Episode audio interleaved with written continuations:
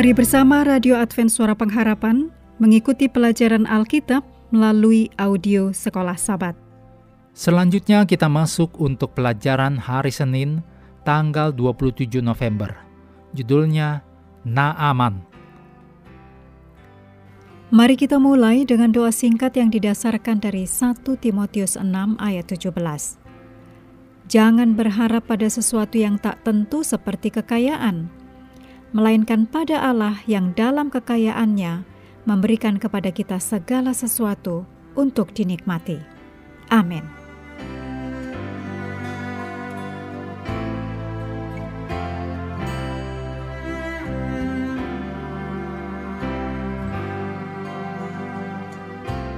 Kristus mati untuk semua orang, terlepas dari latar belakang, kekayaan, suku, atau status mereka.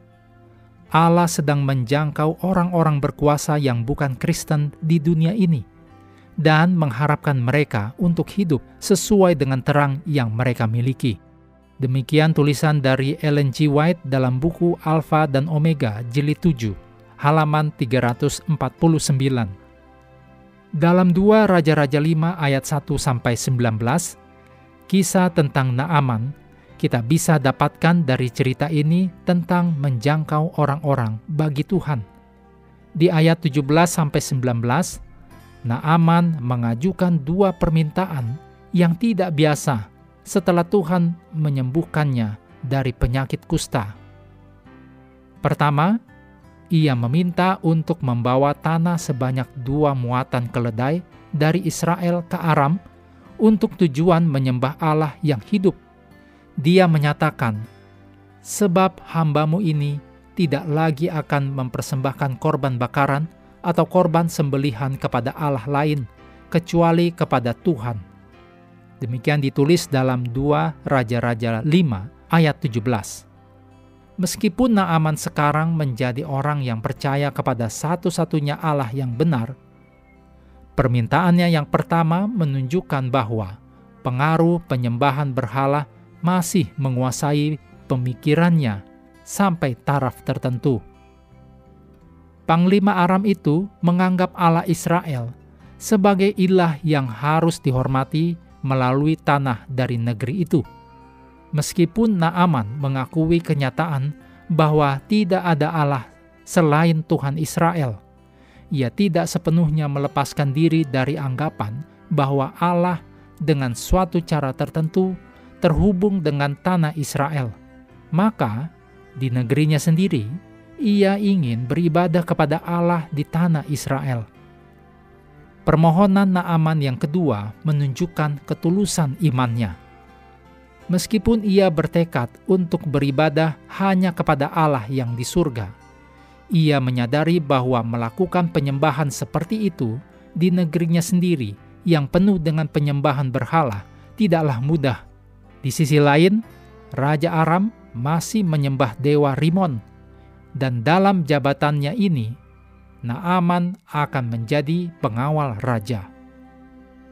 Meskipun Naaman tidak berniat untuk meninggalkan tugasnya mengawal Raja Duniawi, ia tidak ingin dianggap menyembah Rimon. Setelah menyerahkan hatinya kepada Yahweh, Naaman tidak ingin membuat kelonggaran apa pun terhadap penyembahan berhala dengan menyembah ilah-ilah kafir. Ia juga tidak ingin ada kabar yang sampai kepada Elisa bahwa ia melakukan hal itu Elisa menjawab permohonan Naaman dengan berkata, Pergilah dengan selamat. Yang ditulis dalam 2 Raja-Raja 5 ayat 19. Berikut ini kutipan dari SDA Bible Commentary Jilid 2 halaman 878. Kata-kata ini tidak boleh dianggap sebagai ungkapan persetujuan atau ketidaksetujuan atas permintaan Naaman untuk berpisah. Ia harus pergi dengan tenang, tidak dalam keraguan atau kegelisahan. Allah telah berbaik hati kepadanya, dan ia akan menemukan kebahagiaan dan kedamaian dalam pengenalan dan penyembahannya kepada Allah. Naaman adalah seorang yang baru bertobat. seorang pria dengan kehati-hatian yang akan bertumbuh dalam kekuatan dan kebijaksanaan jika ia berpegang teguh pada imannya yang baru. Allah menuntun orang-orang yang baru bertobat selangkah demi selangkah dan mengetahui saat yang tepat untuk menyerukan pembaharuan dalam suatu hal. Prinsip ini harus selalu diingat oleh mereka yang bekerja keras untuk keselamatan jiwa. Renungkan pelajaran-pelajaran yang harus kita pelajari dari kisah ini sehubungan dengan tidak mendorong orang terlalu cepat, secara khusus mereka yang datang dari latar belakang atau budaya bukan Kristen. Mengakhiri pelajaran hari ini, mari kembali ke ayat hafalan Matius 16 ayat 26. Apa gunanya seseorang memperoleh seluruh dunia, tetapi kehilangan nyawanya? Dan apakah yang dapat diberikannya sebagai ganti nyawanya?